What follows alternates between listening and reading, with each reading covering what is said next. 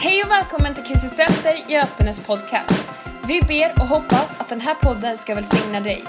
För mer information om vårt arbete, gå in och följ oss, Kristet Center Gotene, på Instagram och Facebook. Vi har samma pappa i himlen och vi kommer spendera evigheten tillsammans. Så tycker ni det här är jobbigt så vänj er tänkte jag säga. Nej då, det finns många att umgås med. Eh, det är väldigt kul att få vara här. Jag lyssnade på en evangelist för många år sedan. Han sa det så skönt att eh, min roll, sa han, är att vara brevbärare. Det är inte jag som har skrivit budskapet, någon annan har gjort det, jag ska bara leverera det. Jag tyckte det känns underbart. Jag är bara här för att leverera någonting idag. Så tycker ni det är bra så kan ni bara tacka honom. Tycker ni inte det är bra så får ni ta det med han också. Eh, jag bara tar någonting som han har skrivit vet jag, och så ger jag det till er. Eh, det blir väldigt avskalat och jag tycker det är skönt. Om ni undrar var det har kommit så är det hit det har kommit. Det blir så här det blir, men det blir bra. Jag vet inte, ni, gillar ni fotboll här inne eller? Det var en. Det är du och jag. Kom on man, vi tar det här. Jag spelade i Borgunda för många år sedan. Känner ni till Borgunda? Nej, det är en liten by. Ja, det är, vi har en supporter här. Eh, jag spelade i alla fall i, botten, var det inte toppen då, av division 6. Eh, landade vi till slut. Eh, men när jag kom, kom dit så var vi nog mer i botten. Eh, vår supporterklubb heter Börna Bulldogs. Jag bara får er att känna er hemma här. Eh, och där var vi. Det här, jag känner det här blir bra. Jag kom dit och så kom jag dit samtidigt som en tränare som heter, han kallas Gummi, Gudmundur Magnusson. Jag vet inte, är det någon som känner till honom? Ja, lite så. Eh, han tränade upp Skövde AIK då innan, från division 5 till division 1 på fem år. Eh, han är en otroligt eh, härlig kille. Jag älskar honom och jag tror att det är faktiskt den bästa tränare jag har haft. Eh, alla tyckte inte så. Eh, han är otroligt passionerad för sin grej eh, och går all in på den, liksom, den linjen. Gillar man inte det så gör man inte det. Eh, gör man det så gillar man ju det väldigt mycket. Eh, men han visste och var otroligt tydlig med vart, vart vi är någonstans och vart vi ska någonstans. Eh, och jag tror att det är otroligt viktigt. Och fotboll är som ni säkert alla vet, jag kan bara ta en, om den var till mig vet jag inte men jag, jag tog den. Eh, fotboll handlar ju inte om, om bara en spelare utan om ett lag. Eh, och jag har en predikan idag som handlar just om lag. Eh, därför att det är inte ett enmansrace i Guds rike heller, det handlar alltid om människor. Eller hur? Och i fotbollen så gör det det också. Det spelar ingen roll om du har tio duktiga och en som inte är så duktig så blir det inte bra i alla fall. Utan det handlar alltid om att man måste lyckas som lag. Och eh, du kan ju ha liksom en hur duktig anfallare som helst. Men om vi har en, en halvtaskig målvakt så spelar det ingen större roll. Ibland så använder man ett uttryck som säger att kedjan eller laget är inte starkare än den svagaste länken. Vilket innebär att om alla är duktiga och varenda skott på mål går in så är det inte så lyckat i alla fall. Eller hur? Utan någonstans så måste vi inse att vi jobbar tillsammans. Och det spelar ingen roll om du lyckas själv göra mål men laget förlorar så jublar man ju inte direkt efter i alla fall. Därför att man vill ju att laget ska vinna. Och vi hade en duktig kille som var så här notorisk målskytt. Och han gjorde inte alltid hemjobbet. Jag vet inte om ni det har ni aldrig upplevt. Det har du och jag aldrig upplevt. Eh, och då svarade tränaren, han bara sa så här, vet du vad, vi bara måste täcka upp i laget. Han gör inte alltid det för att han måste fokusera och spara energin till rätt boll som han måste sätta. Och även om alla hade tydliga positioner och vet vilken roll man har så insåg man att ibland så gör inte han hemjobbet så måste någon annan göra det. Då står inte jag kvar och tänker bara det var hans roll. Spring förbi. Det är inte min grej. Nej, nej, jag täcker upp det någon annan inte täcker upp. Varför då? Därför att vi ska lyckas som lag. Och jag vet någon gång så hade vi en träning där vi hade en passningsövning och han var otroligt noggrann gummi med att vi alltid jobbar som ett lag. Och någon gång så vet jag att han eh, ja, men typ sträckte upp oss eh, efter vi hade haft en passningsövning där vi liksom, vi rullar boll sådär och så sa han att det handlar ju inte om att det är du som ska lyckas. För tyckte han ibland att man får passen och så bara väntar man lite och så ställer man kompisen i ett sämre läge. Men man slår passen så att man själv lyckas och ser bra ut. Och så sa han bara, man gör inte så. Utan han tittar alltid på nästa steg och sa, vem, du bara sätter ju positionen i ett sämre, din kompis i ett sämre läge. Vi jobbar inte så i det här laget. Du ser alltid till att sätta din medspelare i ett bättre läge än dig själv. Och du vet, jag bara älskar det. va. Och det är precis samma grej i församlingen. Vi lirar ju inte för att bara, ja, det under, nu ska jag få ära. Nej, nej, nej. Vi ler som ett lag för att Jesus ska bli synlig. Eller hur? Vi ler för att han ska få äran. Och jag tror att det är väldigt, väldigt viktigt. Vi sitter här inne som en församling, som en familj, som ett lag med Jesus Kristus som huvudet. Det är inget enmansrace där det är så, ja, men det var den predikanten eller den lovsångsledaren. Nej, nej, nej, det handlar om Jesus. Eller hur? Vi gör alla våra roller för ett enda syfte, att upphöja honom. Att sätta honom i centrum, lira kring honom, visa att det är honom det handlar om. Och jag tror att det är så viktigt, Johannes döparen hade fattat det. Han sa i Johannes 3.30, han, Jesus, måste bli större och jag måste bli mindre. Och man kan tänka Johannes döparen, han fick mycket cred, han, var liksom, han gjorde mycket grejer den killen. Ändå så sa han, jag måste bli mindre för att han måste bli större. Tänk om vi tillsammans bara kunde få ha det fokuset. Jesus måste bli större och vi måste bli mindre. Den här bilden om att sätta någon annan framför sig och att vi är ett team, en familj, eh, har jag ständigt med mig och jag tror vi ständigt behöver påminnas om den där. Eh, för er som bara är ute på sociala medier ibland så fattar ni att laget är viktigare än jaget. Jag råkade lägga ut en liten hint lite tidigt i morse. Eh, vissa såg det, det är underbart. Eh, men det är vad det handlar om. Det är inte att jaget är viktigare än laget, utan att laget är viktigare än jaget. Om du har din bibel med dig får du jättegärna slå upp första Korintierbrevet kapitel 12 och från vers 12. Så ska vi läsa några verser tillsammans. När Gud ger en, eh, en bild av vad församlingen är så, så säger han att det är en kropp med många lemmar. Församlingen är som en kropp, där Kristus är huvudet och vi tillsammans är lemmarna i den här kroppen. Och då undervisar Paulus till korinserna från kapitel 12 och vers 12 eh, fram till 14 så säger han så här, kroppen är en och har många delar. Men trots att kroppens alla delar är många så utgör de en kropp. Så är det också med Kristus. I en och samma ande så är vi alla döpta för att höra till en och samma kropp. Vare sig vi är judar eller greker, slavar eller fria. Och vi har alla fått en och samma ande utgjuten över oss. Kroppen består ju inte av en enda kroppsdel, utan många. En kropp, vet ni, nu har vi ju mycket unga människor här också. Hur många ben finns det i kroppen? 206. Här har vi en blivande sjuksköterska hör jag. 206 ben finns det i kroppen. Ska se om det var det jag skrev. Ja, det var det jag skrev också.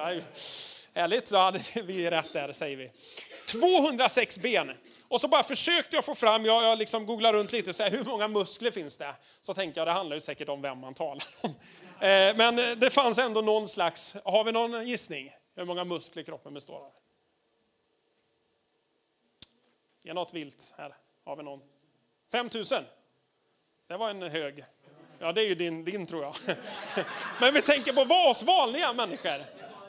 Det var en gissning just det. jag hittar någonstans runt 650 muskler. Består kroppen. 650 muskler. Så över 200 ben. Ju mer man studerar så inser man att det var väldigt många olika delar i kroppen. Och ju mer man, man, man tittar så inser man att det här är bara så fascinerande. Det är fortfarande en kropp, men massa olika delar och funktioner som alla har sin uppgift. Och då kan man bara tänka, och så säger Gud att församlingen är som en kropp. Förstå vad många olika delar och funktioner, men det är ju först när alla delarna kommer tillsammans som det blir en kropp. Det går inte att plocka bort en del och köra i alla fall. Utan det är först tillsammans som det går. Och jag tycker det här är så coolt. I ett fotbollslag säger man många spelare men fortfarande ett lag. Vi säger många delar, en kropp, många människor, en församling. Och tillsammans så händer det någonting. Och jag tror att för kroppen ska kunna fungera så behövs benen. Eller hur? Vi kan inte gå utan ben. Ja, det kan kan man, det blir svårt. Det är väldigt svårt att kunna se utan ögon. Det är svårt att kunna höra utan öron. Det är svårt att känna någon lukt utan näsan. Det är först när alla delarna kommer tillsammans som det blir en kropp och den faktiskt fungerar. Men det är inte så heller att det är benen eller fötterna som är kroppen. Det är ju en del i kroppen. Och armarna för sig funkar inte heller, de är ju en del av kroppen. Och armarna själva funkar inte, men när de sitter i kroppen så fungerar de. Och jag tror att vi behöver påminna oss så många gånger att det finns så mycket gåvor, så många talanger, så många uppgifter i församlingen. Men det är först när vi kommer tillsammans som det fungerar. Någon har säkert varit här tidigt idag och städat undan lite. Någon har fixat fika kanske, någon har varit här och liksom ställt ut beachflaggor innan, någon har hållit på och repat, någon har fixat ljudet, någon har hälsat välkommen, någon har förberett en inledning. Och så finns det en mängd olika grejer. Och vi inser, det är först tillsammans som det blir en kropp. Tänk om alla hade stått där framme och bara sjungit, det hade varit härligt också. Men det är ingen som lyssnar då. Eller om hela teamet står ute och hälsar välkommen och så kommer man in i ett bara, vad väldigt vad tomt det var här inne. Det finns så mycket olika och det är så lätt ibland att vi börjar plocka ut och säga men jag vill ju vara det där eller det där och så inser vi varje liten del har betydelse. Varje del är viktig men det är fortfarande en kropp, en församling. I samma kapitel 12 i Korinthierbrevet så står det i vers 20 så här. Men nu är kroppsdelarna många och kroppen ändå en. Nu är kroppsdelarna många, men kroppen är fortfarande bara en. För ibland tänker man, inte här i Götene, men på andra ställen, så springer fötterna iväg och tänker nu kör vi här. Men fötterna behöver kroppen. Fötterna kommer inte kunna klara sig själv. De behöver vara en del av kroppen. Eller händerna kör sitt race och säger bara vi kör hitåt nu. Men händerna utan den andra kroppen funkar inte heller. Och fortsätter man läsa i första Korinthierbrevet, ska göra det i, i kapitel 12 och vers 14 och framåt så står det kroppen består ju inte av en enda kroppsdel utan av många. Om foten sade jag är inte hand så hör jag inte till kroppen så hör den ändå till kroppen. Och om örat sade jag är inte öga så hör jag inte till kroppen så hör det ändå till kroppen. Om hela kroppen vore öga, var fanns då hörseln? Och om allt vore hörsel, var fanns då luktsinnet? Men nu har Gud sett samman delarna i kroppen, var och en av dem som han ville. Om alla vore en enda kroppsdel, vad vore då kroppen? Men nu är kroppsdelarna många och kroppen ändå en. Ögat kan inte säga till handen, jag behöver det inte, inte heller huvudet till fötterna, jag behöver er inte. Jag tror att vi tillsammans utgör Kristi kropp, hans församling här på jorden. Kristus är huvudet, vi sa att vi är kroppen. I Kolosserbrevet 1.18 så står det han är huvudet för sin kropp, församling, Kristus. Men det är så lätt ibland att foten kan bli avundsjuk på handen och säga att tänk om jag ändå bara vore hand. Mycket roligare funktion, den syns mer, den är mer användbar och så, och så försöker den att bli någonting den inte är. Och vet du vad, när det är så i församlingen, för det är lätt ibland, men tänk om jag fick stå på scenen, eller tänk om jag hade en sångröst, det har jag undrat många gånger. Jag sjunger i alla fall, va? men det är så lätt att man börjar jämföra sig ibland och så tänker man, om jag bara vore det, om jag bara hade det, om jag bara kunde det, och så missar man hela grejen. Foten kan inte säga så men jag ville vara hand. För problemet är inte att bara foten blir liksom lidande, hela kroppen blir ju lidande. Om foten ska försöka göra handens jobb. Och handen kan inte heller bara säga, men jag, jag sticker ut, hugg av armen och lägg den där borta och se hur länge den lever. Den behöver blodtillförsel, nerverna, den behöver vara i kroppen för att funka. Och tänk om den istället ser sin egen funktion, än att den skulle börja säga att fotens funktion är mycket roligare. För när det blir så, så blir det fel fokus och så blir det jaget framför laget. Men vi pratar om att det skulle vara laget framför jaget. Vilket inser, titta på vad du har, inte på vad du inte har. För det är lätt att man tänker, om jag bara hade det, om jag bara var på den platsen, tänk om jag var med i den församlingen, tänk om jag hade den ledaren, den musikern eller den. Och så bara säga, men vad är det vi har? Eller hur? Vad är det vi har? När Gud kallade Moses så säger Moses, jag kan ingenting. va? Så bara, vad är det du har? En stav. Kasta staven så blir det en orm. Så bara ta tag i ormen så blir det en stav. Så partytrick va?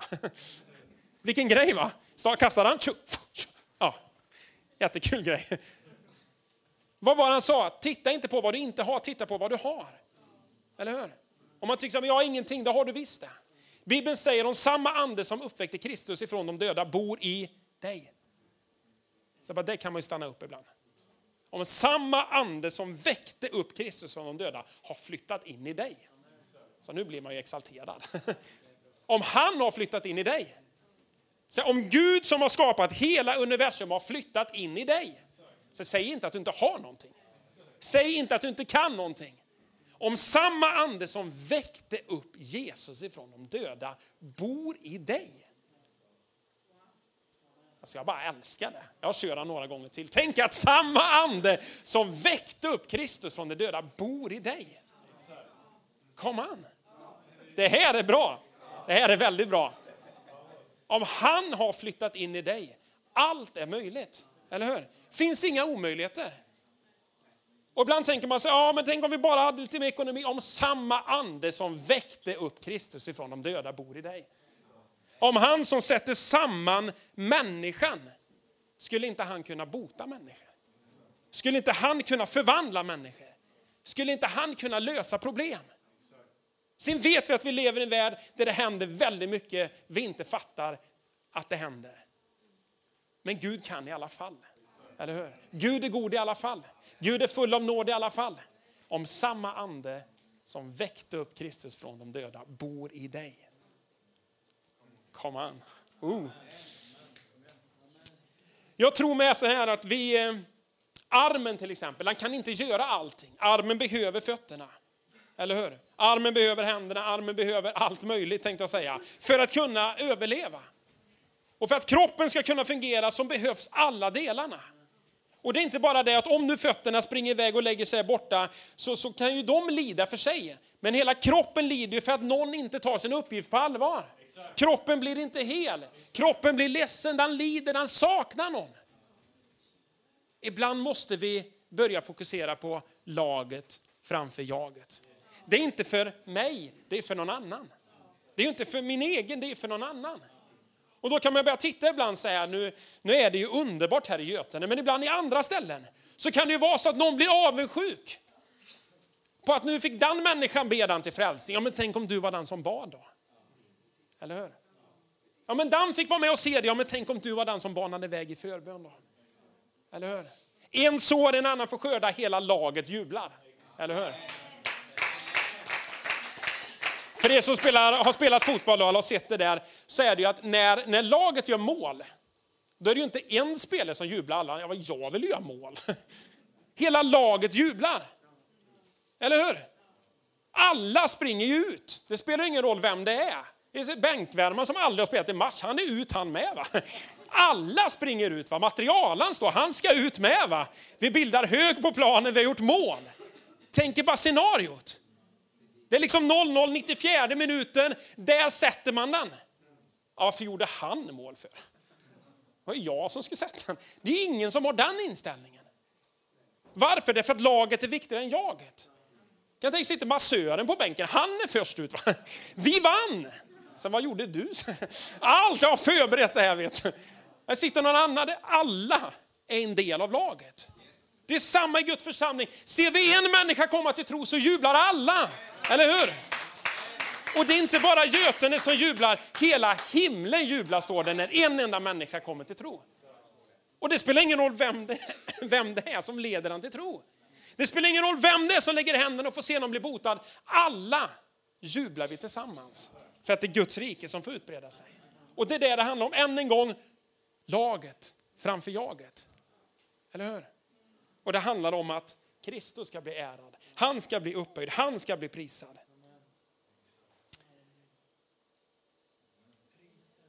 Vi ska titta i vers 26. Nu ska jag ha något för er här.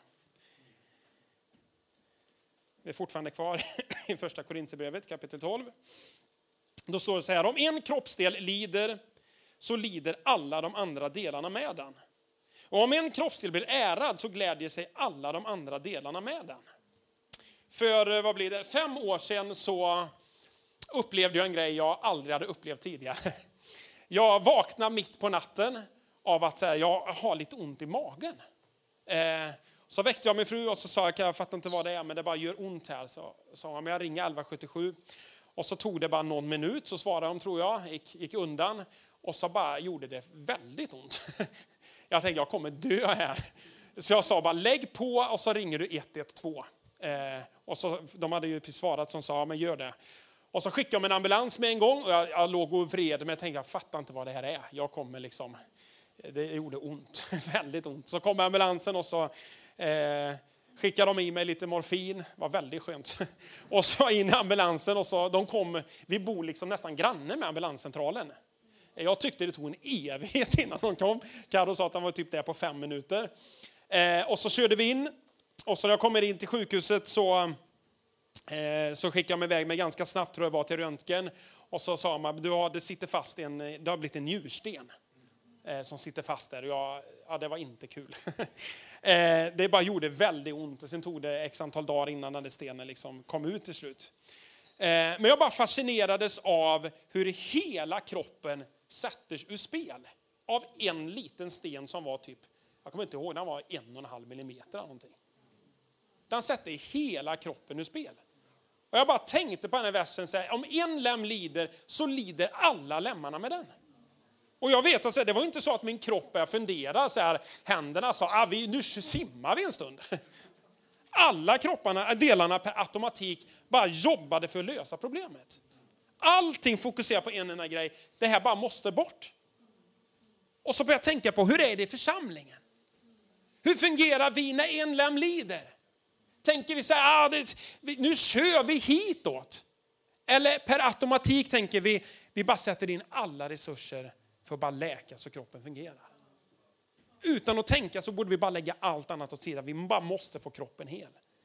Så länge stenen satt där så kunde jag typ inte göra någonting. Jag bara låg där inne och fick smärtstillande tills det där skulle igenom. Det gick inte att göra någonting annat. Och jag bara tänker på det så många gånger. Som församling. Vi funkar inte när delarna inte finns på plats. Om inte delarna mår bra så funkar inte kroppen. Vi kan ha en vilja, vi ska göra det här, vi ska nå dit, vi ska hit, vi ska... Men om inte kroppen mår bra så funkar inte kroppen. Eller hur? Mår inte alla delar bra så går det inte. Se till att kroppen är läkt. Se till att kroppen mår bra, se till att delarna fungerar så kommer kroppen per automatik att utgöra det den ska. Om en lem lider så lider alla lemmarna. Å andra sidan så, som en lem hedras, så glädjer sig alla de andra lemmarna. Precis som vi drog den här liknelsen med fotbollslaget. Som en gör mål så, så jublar alla. Och så är det i församlingen med. Om någon lyckas på något område så borde vi inte sitta där och bara, ha, nu lyckades Dan då. Ja, typ, vi borde bara jubla, vad underbart. Nu går det väl för dem, eller de har hittat varann, eller de har fått barn, eller här växte församlingen, Den ska döpa sig, eller och bara aldrig tillåta det här andra att smyga sig in. Av avundsamhet, eller bitterhet eller själviskhet. Eller, utan bara stäng till. Och så bara glädjer sig hela kroppen när det går väl i församlingen. Målet är inte att vi lyckas som individer, målet är att vi hittar vår plats i kroppen. Och att kroppen fungerar och kroppen har som mål att lyfta fram Jesus. Eller hur? Jag tror att vi behöver, vi behöver, alltså Jesus behöver sin kropp. Så tar vi. Jesus behöver sin kropp. Du vet, han, han bara, han gav sitt liv för den här världen. Han gav allt han hade, blev uppspikad på ett kors, led på den, blev brutalt liksom misshandlad och upphängd och dog på det korset för att ge mänskligheten hopp. För att ge dig och mig frid på insidan, en säkrad evighet, förlåtelse och allt vad som finns framför. Han bara gav det. Och så uppstod han och besegrade döden och så vidare eh, och sa att var en som tror på mig ska få ett evigt liv. Han gav allting för att hjälpa människan att hitta tillbaka till Gud. Och sen så lämnade han den här världen och så gav han uppdraget till sin församling. Gå därför in i kyrkan och ha det härligt tillsammans. Gå därför ut eller hur? Och gör alla folk till lärjungar. Ta därför evangeliet om mig ut i hela skapelsen. Till varje nation, varje folkgrupp, varje man, varje kvinna, varje människa ska ha chansen att höra evangeliet. Han sa, ta därför evangeliet ut till alla människor, alla nationer, alla folkgrupper. Jesus behöver sin kropp. om man valde att ge sitt eget liv för att vinna människan tillbaka till Gud och så ger han uppdraget till dig och mig och så säger han på det sättet jag vill fungera för att nå människor idag är genom min församling. Jesus behöver sin församling. Och vi har en fallen, en trasig värld här utanför som ropar desperat på hjälp. Människor som lider, det står att liksom, eh, självbilden och liksom det destruktiva och, och allt vad det är, det bara skjuter i höjden. Människor tar självmord idag, människor lider, människor är liksom ensamma. Och vi sitter här inne med världens bästa nyheter. Jesus behöver sin kropp idag. Jesus behöver sin kropp för att nå människor. Jesus behöver dig för att nå din granne, eller din familj eller din arbetskamrat. Eller... Han behöver sin kropp. Han behöver inte en kropp som i första hand bråkar med varandra. Han behöver inte en kropp där fötterna vill vara händer och händerna är avundsjuka på liksom armarna eller ögonen vill inte vara med längre. Eller, han behöver en kropp som säger vi är beredda att sätta laget framför jaget. Han behöver människor som säger uppdraget är bara viktigt. Han behöver en församling som bara säger, jag bara tittar ut och ser människor behöver hjälp. Och vi är svaret. Vi är en del av lösningen. I Apostlagärningarna 1.8 så står det, men när den heliga ande kommer över er ska ni få kraft. Att sitta inne i kyrkan och be. Han sa, ni ska få kraft för att bli mina vittnen. För att ta evangeliet ut i Jerusalem, Judeen, Samarien och ända till jordens yttersta gräns. Han sa när den heliga ande, inte om den heliga ande, sa när den heliga ande kommer över er. Eller hur? Då tar ni emot kraft. Inte att springa i någon eget försök, nej, nej, när den heliga ande kommer. Han har flyttat in. Eller hur? Han bor här. Varför? För att jag skulle få kraft att vara en del i kroppen. Att vara en del av uppdraget, att vara en del av lösningen för den trasiga värld vi lever i. Men ibland så, så tror jag att församlingen har blivit jag vet inte, man har blivit lite rädd. Man tänker det är skönare här inne. Och det är underbart, vi behöver samlas, vi behöver få kraft och vi behöver ha möten där vi uppmuntrar varandra. Vi utrustar församlingen, vi ger kraft. Varför? För att vi ska orka gå ut imorgon. Eller hur? För att vi ska möta vardagen imorgon. För att vi ska kunna hjälpa människor imorgon. Idag, varenda dag. Men jag är övertygad om att Jesus behöver sin församling. Han kan inte gå utanför det. Han sa det genom min församling jag verkar. Det är genom människor som dig och mig som hans kraft kanaliseras ut till att lyfta upp och förvandla människors liv. I första Johannes 4.4 står det, han som bor i dig är större än han som bor i världen. Vet du vad? Han som bor i dig är större än han som bor i världen. Vad underbart att citera det ibland. Det han som har flyttat in i dig är större än han som är i världen. Och ibland tänker vi bara så här, men vad ska de tycka? Vad ska de tänka? Låt dem tycka och tänka vad de vill. Han som bor i dig är större än han som bor i världen. Jag tror att vi behöver bli lite mer rakryggade ibland och bara säga vi har fått Jesus. Eller hur? Inte hajpat, inte konstlat, inget liksom så här märkligt. Vi är vanliga enkla människor som har mött Jesus. Eller hur? Och vi vill ta Jesus vidare till fler människor. Och jag inser själv, vad är det som, som har förvandlat mitt liv? Ja, men det är Jesus. Det är inget konstigt, jag bara fick möta honom och allt vändes upp och ner. Och jag älskar honom mer än någonsin. Och jag inser att människor är i behov av Jesus. De är inte i behov av något konstigt. De har behov av honom. Människor längtar efter hopp. Människor längtar efter mening. Människor längtar efter ett syfte med livet. Människor känner sig ensamma idag. De behöver dig och mig. Människor behöver Jesus idag. Jag tror att det är dags att Guds församling på nytt börjar fungera. Jag tror att det är dags att vi, att vi bara tittar och säger, men vad är det jag har? Och inte tittar på vad jag inte har. Och så bara börjar man gilla den delen och jobba med den. Och så bara blir man en del, en del i det.